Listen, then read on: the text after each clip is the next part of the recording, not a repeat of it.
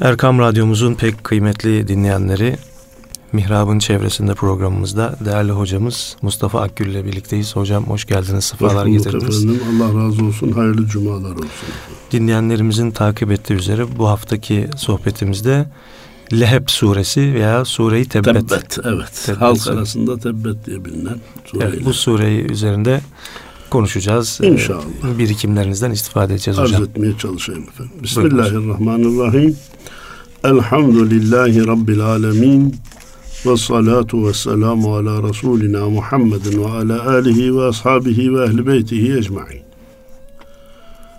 Muhterem hocam, malumunuz sureler ve ayetler Mekki ve Medeni diye ikiye ayrılıyor. Yani Mekke'de inenlere Mekki, Medine'de inenlere Medeni deniliyor. Bazı sureler var ki bir kısmı Mekki, bir kısmı Medenidir. Bazı hatta ayetler vardır ki bir kısmı Mekki, bir kısmı Medenidir. Evet. Bazen de hem Mekke'de hem Medine'de inen sureler de vardır. Evet. Bunu teknik bir bilgi olarak arz ettikten sonra Tebbet suresi beş ayetten ibarettir. Bir sohbette arz etmiştim hatırlarsanız. Kimse yukarıda oturmayı bir fazilet zannetmesin. Tebbet de ihlasın üstünde oturuyor. demiştik. Asıl olan oturduğu yere layık olmaktır. Şerefül mekan bil mekin buyurmuşlar. Makamın, mekanın şerefi orada bulunandan gelir. Haşa bu sözlerimizden şu anlaşılmasın. Tebbet suresi faziletli değildir, bereketli değildir değil. Fakat Tebbet suresinde zikredilen Ebu Leheb ve onun gibiler o nimetten, o üstünlükten uzak insanlardır. Ondan bahsediliyor. Efendim, bir fıkhi malumatı arz edeyim. Surelerin sırası gelip de hani yukarıdan aşağı okumak sünnet ya hadi hocam. Evet. Hasaten ve kasıtla bazı sureleri atlamak hoş görülmemiştir. Ama bir kısım tasavvuf ehli Tebbet suresini de pek zamm-ı sure olarak koşmamıştır. Evet. Böyle, bu böyle bir şey var mı hakikaten? Malumat olarak var. Evet. Hüküm değil de koşmamıştır. Koşmama hakkını kullanmıştır. Evet. Efendim, eee, hani bulunan yer ve yaş üstünlük e, gerekçesi değildir dedik. Orada bir iki cümlem var onu arz etmek istiyorum. Efendimizden daha yaşlı olan bir sahabiye müşriklerden biri sordu. Dikkat çekiyorum. Efendimizden yaşlı olan bir sahabiye müşriklerden biri sordu. Sen mi daha büyüksün, Muhammed mi daha büyük. Güya onu oyuna getirecek. Ben Hazreti Muhammed'den daha büyüğüm diyeceğini zannetti. Fakat Müslümanın izan ve irfanıyla o sahabi dedi ki Hazreti Muhammed aleyhissalatü vesselam benden büyüktür ben ondan yaşlıyım dedi. ben ondan yaşlıyım. Yaş bayrı başka bir şeydir. Büyüklük başka bir şeydir. Yukarıda aşağıda olmak da böyle bir şeydir. Başlı başına fazilet değildir dedikten sonra efendim Tebbet suresinin için nazil oldu. Cenab-ı Allah ve enzir aşireteke vel akrabin buyurdu. Ya Muhammed kalk ve akrabalarını, aşiretini İslam'a davet et. Yanlış yola gitmekle korkut. Peki Efendimiz de bir rivayete göre Safa tepesine çıktı hadi hocam. Bir rivayete göre de Ebu Kubeys Dağı'na çıktı. Ebu Kubeys Dağı bugün maalesef kralın sarayının altında kalan bir dağ. Evet. Oysa ki bendeniz takriben 85'lerde gittiğimizde orada bir mescidin de olduğunu hatırlıyorum. Dağın üstünde. Millet de Bilal Habeşi Mescidi diye oraya çıkardı. Belki de Bilal Habeşi oradan ezan okuduğu için onun adına konulmuştu. Maalesef efendim tarihi kalıntıları putlaştırmak hata. Fakat silip süpürüp götürmek de yanlış. O da doğru değil. Ebu Kubeys daha olduğu gibi kalmalıydı. Şu anda maalesef Mekke'de Safa Tepesi var bir orijinal haliyle kalan. Onun dışında orijinal bir yer yok. Medine-i Münevvere'de Uhud Dağı'nın kendisi bütün heybetiyle tabiiliğini muhafaza ediyor. Bir de Uhud Dağı'nda Efendimizin mübarek dişleri şehit olunca gidip de sığındığı bir kaya var. Orası orijinal şeklini muhafaza ediyor. Onun dışında orijinal bir Orayı şey da tel örgüyle kapatmışlar biliyorsunuz. Ve hatta içeriye de beton atmışlar. Evet. Oradan dönüp gelelim Safa Tepesi'ne veya Ebu Kubeys Dağı'na çıkarak Ya sabahu dedi. Ey insanlar sabah oldu. Çok orijinal bir hitap tarzı. Yani gece bitti. Küfrün karanlığı sona erdi. Hani Hz. İsa geleli 600 seneyi geçmiş. İnsanlar da hep 600 senedir onun yolunda devam etmiyorlar. Yol yol olmaktan çıkmış, din din olmaktan çıkmış, tahrif edilmiş. Nitekim de Mekke'de putperestlik hakim olmuş. Hz. İsa putperestlik mi getirdi kardeşim? Yok. Tamamen insanlar küfrün karanlığına dalmış, putperestliğin zindanına girmiş, şirkin tünelinde yaşıyorlar. Efendimiz diyor ki sabah oldu uyanın. Efendim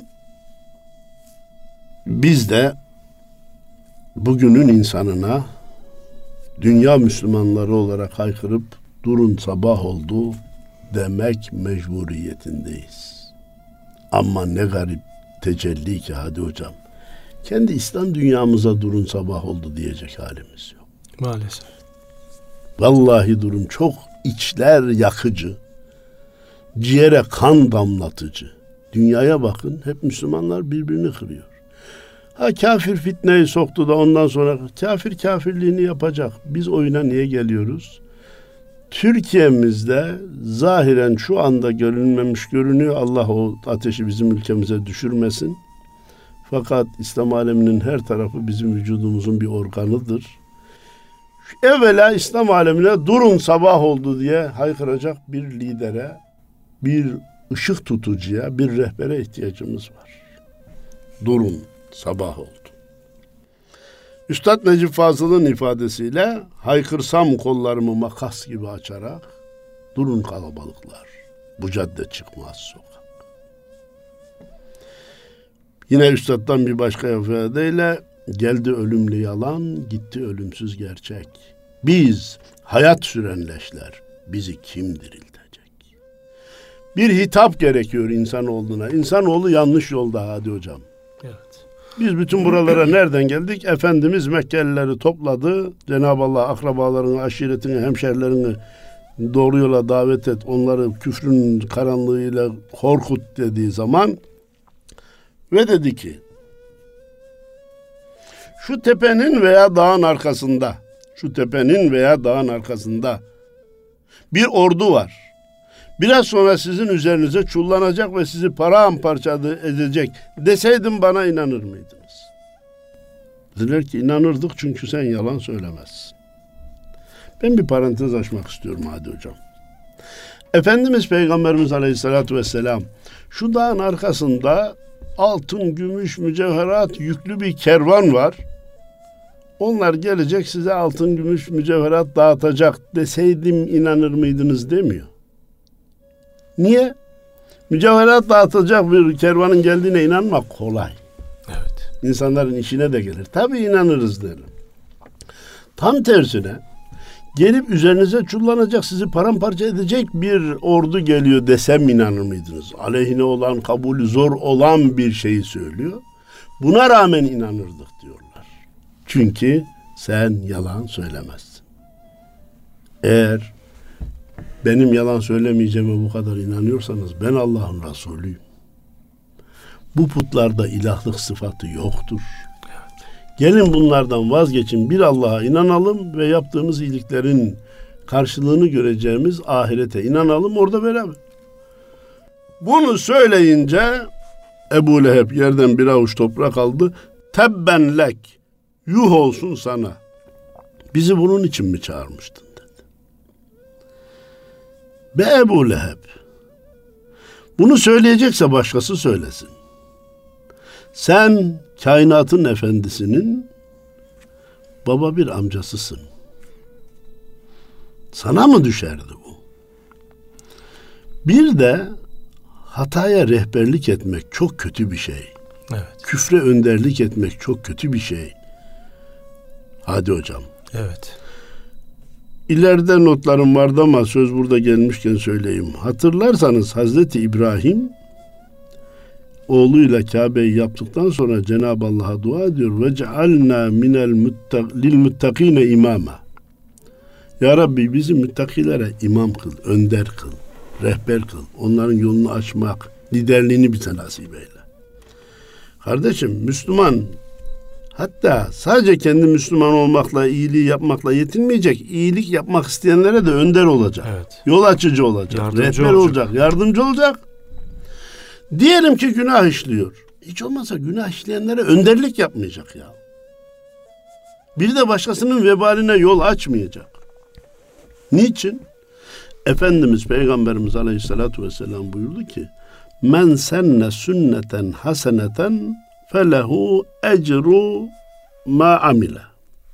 Her kim ki güzel bir yol açarsa oradan gidenlerin kazanacağı sevap onlarınkinden eksilmemek üzere o yolu açana verilir. Men senne sünneten seyyiyeten diye devam edeceğim. Kim de kötü bir yol açarsa, kötülüğe rehberlik ederse, günahın çığırını açarsa, oradan gidenlerin günahından eksilmemek üzere toplamı kadar da bir ona verilir. Durum böyle olursa Müslüman yaptığı işe dikkat edecek. Arkadaş, ben şahsi günahımın hesabını vermekten acizim. Bir de başkasının günahına mı vesile olayım? Demesi lazım. Efendim çok üzüldüm. Zaman zaman da ülkemizde oluyor. Biz falan yere cami yaptırmayız. Bir de çıkıp yürümeye kalkıyorlar. İnsanları topluyorlar. Twitter'la e, şeyle ne medya diyorlar ona? Sosyal, Sosyal medyayla adamlar çağırıyorlar. Masraflar yapıyorlar. Oraya kumanya gönderiyor. Nedir ya peki yaptığınız? Buraya cami yaptırmayız. Ya arkadaş sen şahsi günahınla da kalmıyorsun. Bir de başkasının günahına zemin hazırlıyorsun. Böyle bir şey olamaz. Bir Müslüman bunu yapamaz. Evet bir de Müslüman ismiyle yapıyor bunu değil mi? Müslüman ismiyle yapıyor. Ben de Müslümanım ve aslında işte cami düşmanı değilim filan Evet. gibi kılıflarla da Evet. ben burada asıl bir de başkasının önüne düşmenin vebalinin büyük olduğunu söylemek istiyorum. İşte orada bir avuç toprağı aldı attı Ebu Leheb. Sure onun adına indi bak. Tebbet yeda Ebi Leheb'in.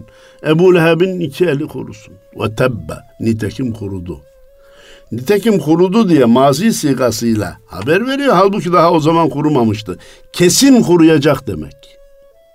Kesin kuruyacak. Allah'ın takibine uğrayıp da kurtulan kimse olmamış. Hadi hocam. Eynel meferru vel ilahu talib. El ebrehatul mağlubu leysel galib.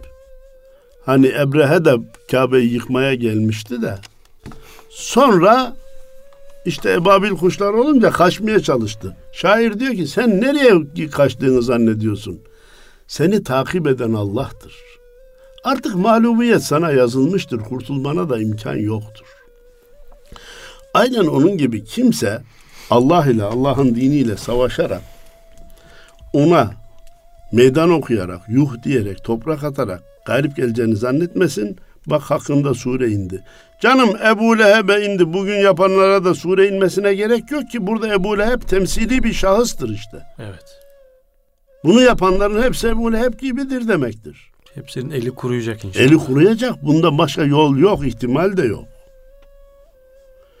Hani Arif Nihat Asya diyor ya Ebu Leheb öldü, diller, sayfalar, satırlar Ebu Leheb öldü diyorlar. Ya Muhammed Ebu Leheb ölmedi. Kıtalar Ebu Cehil kıtalar dolaşıyor diyor. Bugün de hakikaten insanları birbirine düşüren, petrol için insan kanı aktan, enerji savaşında insana hiç acımayan, barış ve demokrasi getireceğim dediği ülkede milyonlarca insanı katleden insanlar Ebu Leheb'in bu asırdaki temsilcileridir. Onların da elleri kuruyacaktır. İnşallah. Efendim Ebu Leheb dedi ki durmuyor daha. Muhammed sallallahu aleyhi ve sellem o demedi de biz diyoruz. Bize mahiyetini bilmediğimiz şeylerden bahsediyor. Bir kısım vaatlerde bulunuyor. Onun ileride gerçekleşeceğini söylüyor. Bıraksın o vaatleri de bugün elime ne koydu diyor. Bak eli kurusun diye geldi ya ayet. Niçin geldi diye izah ediyor müfessirlerimiz. Bugün benim elime ne koydu? Hani namaz kılın, oruç tutun, Kur'an okuyun diyoruz da bazıları diyor ki namaz kıldık da ne kazandık? Ne, boş işler diyor. Akşama bizim eve ekmek götüren, gönderen var mı? Oruç tuttuk ne olacak arabamız mı olacak filan gibi böyle saçma sapan şeyler söyleyen olduğu gibi. Hatırlarsanız Hadi Hocam bizler Diyanet mensubu olarak her sene bizi bazıları üzüyor. Niye üzüyor? Mecliste bütçe görüşülürken Diyanet'in bütçesi gelince ya bir birçok bakanlıkların bütçesinden de büyük hatta birkaç bakanlığın toplamının bütçesinden de büyük evet bu din görevlileri bu millete ne kazandırıyor diyor. Ekonomik katkıları ne? Ben onlara diyorum ki ya illa siz akşama cebinize giren parayı mı bilirsiniz? Başka bir menfaat bilmez misiniz? Bakın bu ülkede AIDS hastalığı az ise, homoseksüelin sayısı az ise, içki kumar tüketimi bir başka ülkelere göre daha az ise, adam öldürme, esrar eroin kullanma daha az ise bu diyanet mensupları bunu temin etti. Hemen öbür taraftan kimse kimsenin veya çoğu insan bir başkasının malını yağmalamıyorsa, insanlar birbirlerine daha çok düşmüyorsa, din görevlilerinin anlattığı dinin yüzündendir. Evet dinimizin özelliğidir ama bu dini de insanlara din görevlileri anlatıyor. Evet. Ben birçok yerde verdiğim misali kısaca verip geçmek istiyorum. 2001 yılında Arjantin, Ar, Arjantin'de ekonomik kriz oldu hadi hocam. Fert başına gelir 7 bin dolar iken fakirler gitti zenginlerin mallarını yağmaladılar, dükkanları kırdılar. Kepenkleri evet. indirdiler, camları indirdiler. Türkiye'de aynı senelerde ekonomik kriz oldu. O meşhur anayasa fırlatmasıyla. Fert başına gelir 2000 dolar. Yani Arjantin'den çok daha fakiriz. Kimse kimsenin malını yağmalamadı. Niye? Kul hakkı, sabır, öbür taraftan zekat, fıtra, kurban gibi zenginden fakire mal aktarımı. Yani dinimizin özelliğinden. Peki bu dini insanlara kim anlattı? Din görevlileri anlattı. Yani menfaati nedir? Ee, buradaki katkıları nedir derken hep kuruş hesabı yapılmasının doğru olmadığını söylüyorum. Efendim tebbet yeda ebi lehebin ve tebbe ma ana anhu maluhu ve ma keseb. Onu malı ve kendi kurtaramayacak. Bu cümle niye geldi? Ebu Leheb dedi ki yeğenimin dediği doğru olmaya doğru değil ama dirilişi kastediyor. Ahireti kastediyor. inanmıyor. Şayet doğru olursa benim malım ve evlatlarım kurtarır dedi. Cenab-ı Allah da daha dünyadayken ilan ediyor ki onun malı da evlatları da kurtaramayacak. Ma ana anhu maluhu ve ma keseb malı ve kazandığı kurtaramayacak derken buna iki açıklama getirmiş müfessirlerimiz. Biri deniyor ki malından kasıt malı ve ma keseb kazandığından maksat evlatları. Nesli evet. de kurtaramayacak. Evet. Efendim Ebu Leheb'e gelmeden önce Hazreti Nuh'u görüyoruz. Babası evladını kurtaramıyor. Hazreti İbrahim'i görüyoruz. Evladı babasını kurtaramıyor. Efendimiz Peygamberimiz Aleyhisselatü Vesselam Hazreti Fatıma'ya hitap ederek ya Fatıma babayın peygamber olduğuna güvenme. güvenme diyor. Bütün bu gerçekler ortadayken Ebu Leheb neye güveniyor da beni evlatlarım kurtaracak diyor. Maluhu meselesine de bir izah daha getiriyorlar. Bir maluhu ve ma kesep malı ve kendi kazandığı maldan maksat miras kalan ve ma kesepten maksat kendi kazandığı diyorlar. Hmm. Evet böyle de bir güzel e, nüans konuyor. Gerek babasından kalan mirasla kendini kurtarmayacak. Bana yardımcı olun. Kendi çalışarak elde ettiği mülk de kendini kurtarmayacak. Ne garip tecelli ki elinde malı mülkü olanlar bu malın mülkünün kendini kurtaracağını dünyada hiç olmazsa çok rahat ettireceğini zannederler. Bugün iflas eden niceleri de 10 sene evvel bana bir şey olmaz zannediyordu. Evet. Ama büyüklerimiz ne buyurmuş? Malına güvenme bir kıvılcım yeter, güzelliğine güvenme bir sivilce yeter demişler. Evet. Kimse ne oldum demesin, ne olacağım, ne desin. Desin. Malın baki olmadığını herkes bilsin. Efendim surenin nazil olmasına bir başka sebep. Yine hareket Ebu Leheb'den geliyor. Gelmiş de Efendimiz'e düzeltiyorum. Diğer Efendimiz'e, Efendimiz'e gelerek demiş ki ya Muhammed Müslüman olursan bana ne verilecek demiş ahirette. Efendimiz de demiş ki diğer Müslümanlara ne verilirse sana da o verilecek. Yuh olsun böyle bir dine ya beni bir köleyle beraber tutuyor. Ya abid bir abid zahit bir köle olursa senden fazlasını bile kazanır. Sen ne konuşuyorsun? O zannediyor ki ahiretteki nimetler de dünyadaki rütbelere göre değil, dağıtılacak. Yok böyle bir şey. İnne ekremakum indallahi etkakum.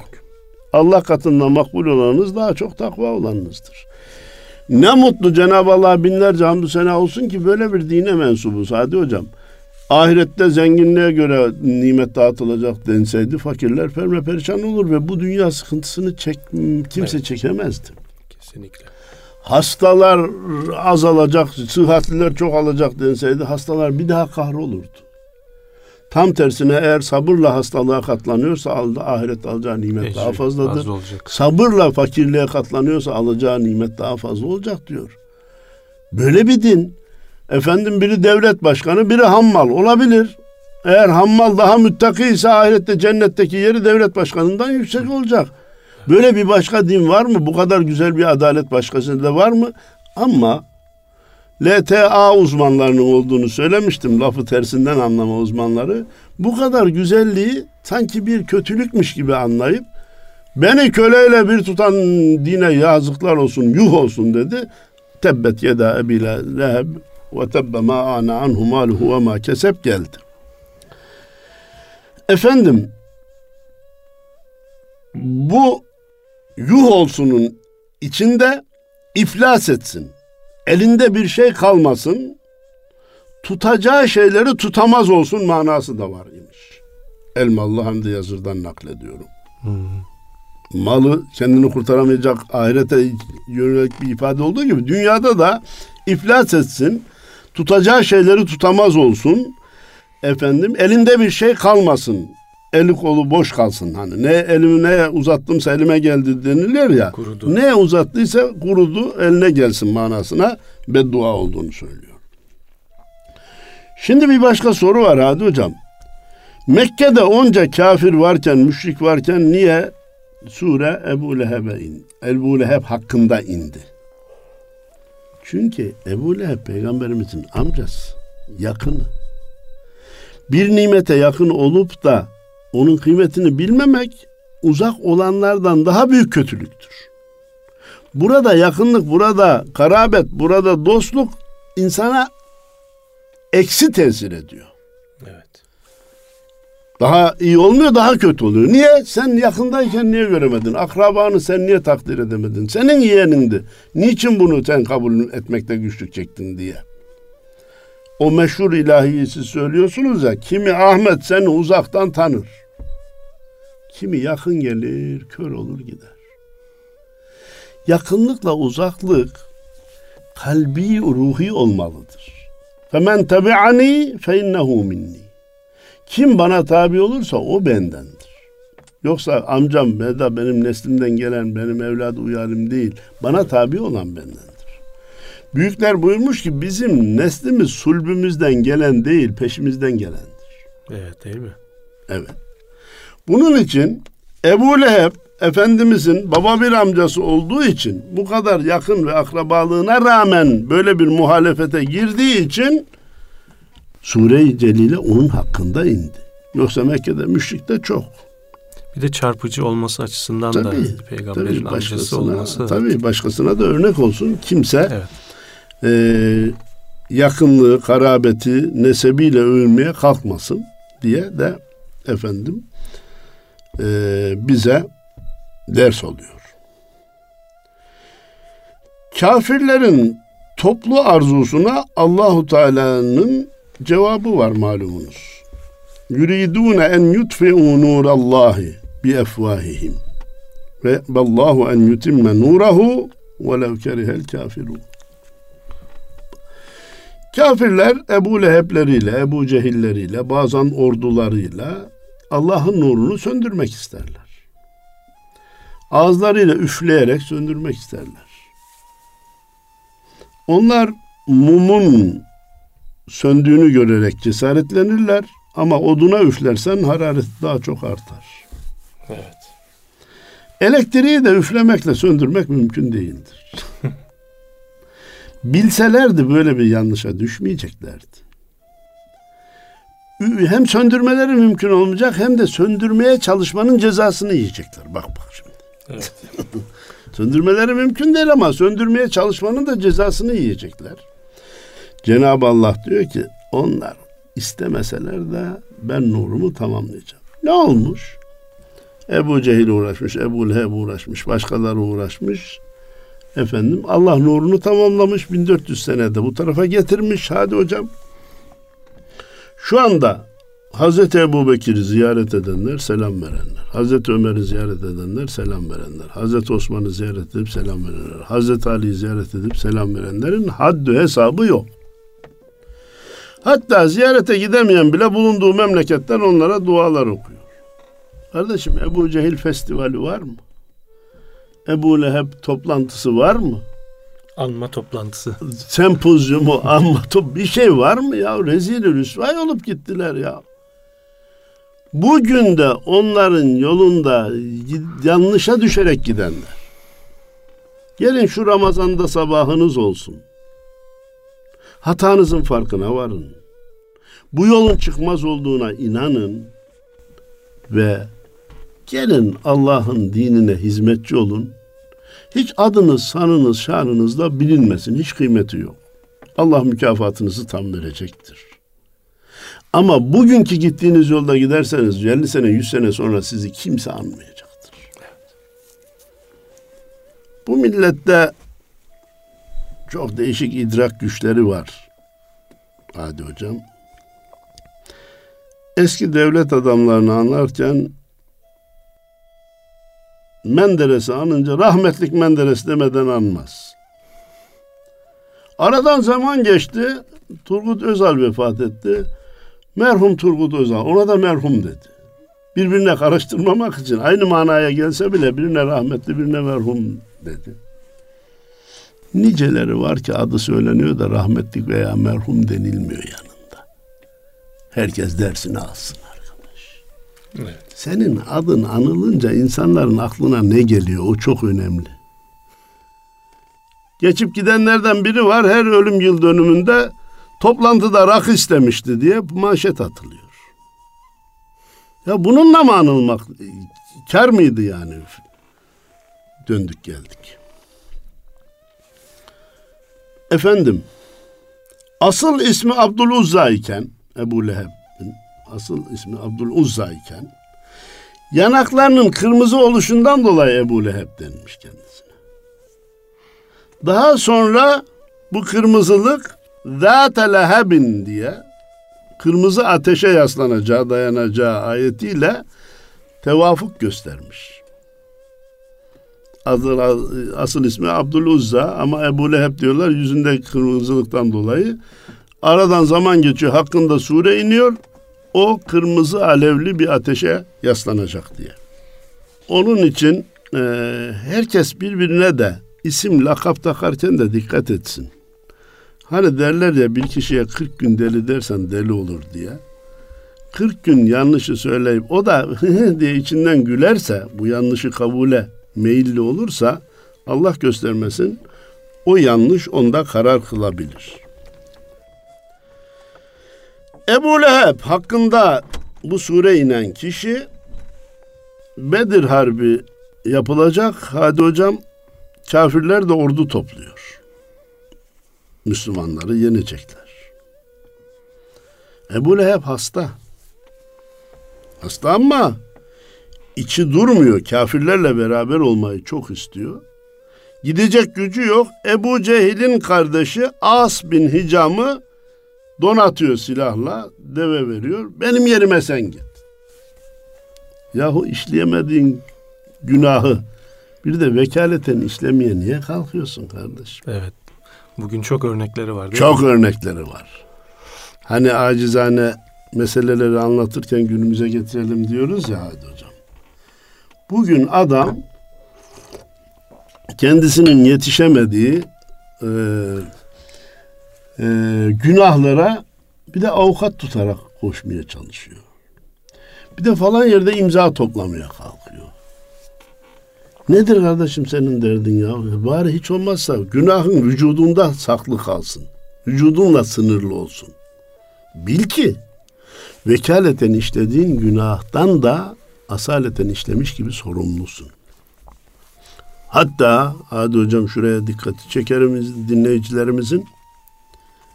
Bin kişi taş atarak bir kişiyi öldürse. Bin kişi taş atarak bir kişiyi öldürse. O bin kişinin içinde belki de taşı hiç isabet etmemiş insanlar da vardır. Maktule taşı isabet etmemiş insanlar da vardır. Ama kimin taşıyla öldüğü belli olmadığı için o bin kişi katil muamelesi görür. Niye? Öldürmek niyetiyle attı ya. O faaliyete iştirak etti ya. Taş atanların içinde oldu ya. O da onun katil muamelesi görür. Orada Hallat çıkar karşımıza. Der ki illa dostun gülü yaralar beni. Düşman zaten taşlayacaktı da. Bazı dostlar içinde vardı. Taş atmadılar, gül attılar ama atanlarla beraber atmış olmak için bana gül attılar. O gül beni yaraladı diyor. Bazı gayri İslami faaliyetlerin içerisinde hiç beklemediğimiz, ummadığımız insanları görüyoruz. Hadi hocam. İlla onların bulunuşu bizi daha çok yaralıyor. Kimin değirmenine su taşıdıkları. Kimin değirmenine su taşıyorsun arkadaş? Orada üç kuruşluk bir menfaat için, aday olmak, milletvekili olmak için. Senin konuşmaların kimin işine yarıyor, kimin zararını temin ediyor? Hiç hesap ediyor musun? Yapma, etme. İnsan sadece bizatihi yaptığı işler ve günahların hesabını vermekle kalmayacak, sebep olduğu, vekaleten işlediği ve bir kısım hesaplarla işlediği günahların da hesabını vermek mecburiyetinde kalacaktır. Efendim vekil gönderdi As bin Hişam'ı da Ebu Cehil'in kardeşiydi o. Buna rağmen malumunuz Bedir'de Müslümanlar galip geldi. Ebu Leheb Müslümanların galip geldiğini gördü. Yedinci gün kahrından öldü. Bu da küfrünün şiddetini gösteriyor. Hadi hocam. Evet. Ne yapalım canım mağlup olduk. Olabilir deyip gitse o kadar şiddetli kafir değil manasına. Kahrından ölmesi demek ki küfürde ne kadar şiddetliymiş. İslam düşmanlığında ne kadar azimliymiş. Bazı insanlar takımı mağlup olunca günlerce uyuyamaz. Bazı insanlar partisi seçimi kaybedince günlerce uyuyamaz. E, öbürü sıradan bir olaymış gibi geçiştirir. Orada kimin daha samimi, kimin daha e, koyu olduğu ortaya çıkar. Ebu Cehil küfürde o kadar koyuydu ki kafirlerin mağlubiyetini hazmedemedi ve yedinci gün öldü. Ölüşü de çok ibretamiz, bulaşıcı bir hastalığa müptela oldu. Kendi akrabaları, çocukları bile yanına yaklaşmadı ki bize de bulaşmasın diye. Öldükten sonra da birkaç kişi kiraladılar. Şunu dediler, e, elinizi dokunmayın size de hastalık geçer. Bir tahtanın ucuyla itin de bir çukura atın dediler. Bir tahtanın ucuyla dokunularak bir çukura atıldı, üstüne toprak atıldı. Gidişi de öyle oldu. Ne kadar kötü bir akıbet. Evet. Allah akıbetimizi hayır diye dua ediyoruz ya. Hadi hocam biz o Evet. duaya devam edelim. Amin. Şimdi efendim şuraya bir adım geriye dönmek istiyorum. Hani Bedir'de e, Müslümanlar galip gelince bu çok üzüldü, kahrından öldü ya. Günümüze geliyoruz hadi hocam. Ya Suudi Arabistan'da birisi dinden çıktı diye haber olsa bizim burada sevinenler var. Japonya'da, Avustralya'da, İngiltere'de 10 kişi Müslüman olmuş diye gazetede haber okusa üzülüyor buradan. Ya kardeşim sana ne oluyor? Ah İslam ülkelerinde bir kargaşa çıksa, İslam ülkelerinde İslam adına hareket edenlerin kafası ezilse buradan memnun oluyor. Ya da Müslümanlar bir hata işlese de İştese Allah razı olsun. O hata haber olsa, haber olsa "Hah, diye. oh bak gördün mü diyor. Efendim, gayrimüslimler İslam lehine bir şey yapsa, Roji Garadi Müslüman oldu. Eyvah görüyor musun diyor. Üzülüyor buradan. Bak bu üzüntüsünün de zararını görecek. Müslümanların hatalarından dolayı sevinmesinin de zararını görecek. Mısır Türkiye'deki ki- Müslümanlar için bir imtihan vesilesidir. Suriye Türkiye'deki Müslümanlar için bir imtihan vesilesidir. Irak, Afganistan Türkiye'deki Müslümanlar için bir imtihan vesilesidir. Buna da herkes dikkat etsin dedikten sonra vaktimiz nasıl bilmiyorum. Hocam bir 6-7 dakikamız daha var. Var öyle mi? Seyasla naran zâte lehebin. Ateş, alev sahibi bir ateşe yaslanacak. Vallahi çok şiddetli. Allah akıbetimizi hayır eylesin. Hümeze suresinde Cenab-ı Allah bu ateşin bir başka yönünden bahsediyor.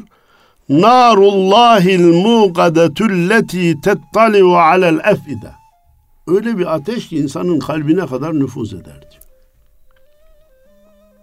Hani birisi günah işlemek istiyorum demiş de İbrahim Ethem Hazretleri ona günahın yollarını tarif etmiş. Şöyle benim tariflerime uyarsan demiş günah işleyebilirsin. O söyle demiş ben Günah işleyeceğin zaman Allah'ın mülkünden dışarı çık demiş. Ya nereye çıkayım demiş her taraf onun mülkü. E ayıp değil mi hem evinde oturup da hem ona karşı geliyorsun. İki günah işleyeceğin zaman Allah'ın görmediği yere git. Ya demiş nereden ben Allah'ın görmediği yere gideceğim? Her yerde görür. Ya ayıp değil mi? Hem evinde oturuyorsun hem gözü göre göre günah işliyorsun. Günah işleyeceğin zaman demiş ateşe ne kadar tahammül edebiliyorsan o kadar günah işle. Elini muma tut ne kadar dayanabiliyorsan o kadar günah işle. Ya ben nasıl dayan? E dayanamayacağın şey günah niye işliyorsun? Yani İbrahim Ethem Hazretleri bir nevi insanın günah işlemesinin makul, mantıklı bir davranış olmadığını böyle bir güzel yolla anlatmış. Allahu Teala bizi buradayken kaçındırmak için diyor ki insanların kalbine nüfuz eden bir ateş var ahirette. Ona düşmeyin. Şimdi efendim camilerde, vaaz ve hutbelerde hoca efendiler cehennemden, ateşten bahsedince ya niye bahsediyorlar? Niye böyle şiddetten bahsediyorlar? Azaptan bahsediyorlar. Benim kardeşim. Bu ateşe girin diye bahsetmiyorlar. Ateş bu kadar şiddetlidir. Dikkat edin de girmeyin diye bahsediyor. Bu cehenneme oh iyi ki gireceksiniz diye bahsetmiyorlar. Aman bu cehenneme girmeyin diye bahsediyorlar. Beraberinde de cennet de anlatılıyor ki oraya girin diye. Bu neye benziyor? Jeoloji alimleri hesap yapıyorlar. Diyor ki İstanbul'da bir deprem olacak. Adam olsun demiyor ki. Olacak. Tedbirinizi alın diyor kardeşim. Evinizi iyi yapın da eviniz başınıza yıkılmasın diyor. Vay efendim bu depremden bahsedenler depreme insanların depremde evlerinin başlarına yıkılmasını istiyorlar demek makul bir davranış değil. Evet maalesef. Tehlikeyi haber vermek, tehlikeyi istemek değildir. Cenab-ı Allah diyor ki o Ebu Leheb ateş alevli bir e, ateşe yaslanacak. Efendim kendisi yalnız da değilmiş. Koalisyon ortağı varmış Ebu Leheb'in. Ve mra'etuhu hammaletel hatab. Karısı da ona ateş taşıyacak. Buradaki hatap diyor dünyadaki küfrüne olan yardımının temsilidir. Bazıları günahı bizzat işler, bazıları da ona e, veri hazırlar. Sermaye verir, lojistik destek verir. Lojistik destek. lojistik Tamam, destek tamam. verir. Tam e, Ebu Leheb'in karısı da kendine öyle yaparmış. Ahirette de buna uysun diye ceza suça muvafık düşsün diye ateşine ateş taşıyacak. Odun taşıyacak. Fi cidiha hablum min mesed onun boynunda da çok sağlam ipten bir gerdanlık vardır. Gerdanlık malumunuz aslında bir zinet eşyasıdır. Burada zinet eşyası anlamına gelen e, kelime kullanılarak ironi yapılıyor. Tabi tırnak içinde hafife alınıyor, dalga geçiliyor yani. Sen misin dünyada onun küfrüne hizmet eden, ahirette de gerdanlığını tak bakalım. Efendim, Araplar insanlar arasında söz getirip getirip götürene de yahmilul hatabe beynehum derlermiş. Hmm. Odun taşıyor. Halbuki söz taşıyor. Yani böylece günaha vesile oluyor. Bir gün onun azabını görecek manasında. Ayet-i kerime de bu anlamda hammaletel hatab, odun taşıyıcı olarak vasıflandırıyor. Ee, Ebu Leheb'in hanımını. Efendim, yardımcı olmak dedik ya Hadi Hocam. Şu anda da ülkemizde gönüllü kuruluşlara üye olmak insanları çok e, şey yapıyor, heveslendiriyor. Ben de gönüllü kuruluşlara üyeyim. Üyesin de senin üye olduğun gönüllü kuruluş ne iş yapıyor? Neye hizmet ediyor? Neye hizmet ediyor? Onu düşünmeden herhangi bir gönüllü kuruluşa gidersen veya açıkça senin üye olduğun gönüllü kuruluş din, iman, İslam, Kur'an, cami, cemaat düşmanıysa yarın sen onların odununu taşıyacaksın. Onlar senin odununu taşıyacak. Gel bu işten vazgeç. Bu sure sana onu diyor, bana onu diyor hatalarımızı gözden geçirip vazgeçmemiz geçer, gereken bir zaman bölümündeyiz. Tebbet suresini iyi değerlendirmek mecburiyetindeyiz. Her nefiste bir Ebu Leheb'lik vardır. Allah bizi Ebu Leheb'lere mağlup etmesin. Amin. Diyor. İlla akıbeti hayır olmak önemlidir diye Allah akıbetimizi de hayır eylesin duasını tekrarlıyorum. Evet, Ramazan-ı Şerif'te evet. bu e, şeye vesile olsun inşallah. İnşallah. İnşallah. Efendim Mihrab'ın çevresinde programımız burada sona eriyor. Allah'a emanet olun. Hayırlı günler efendim.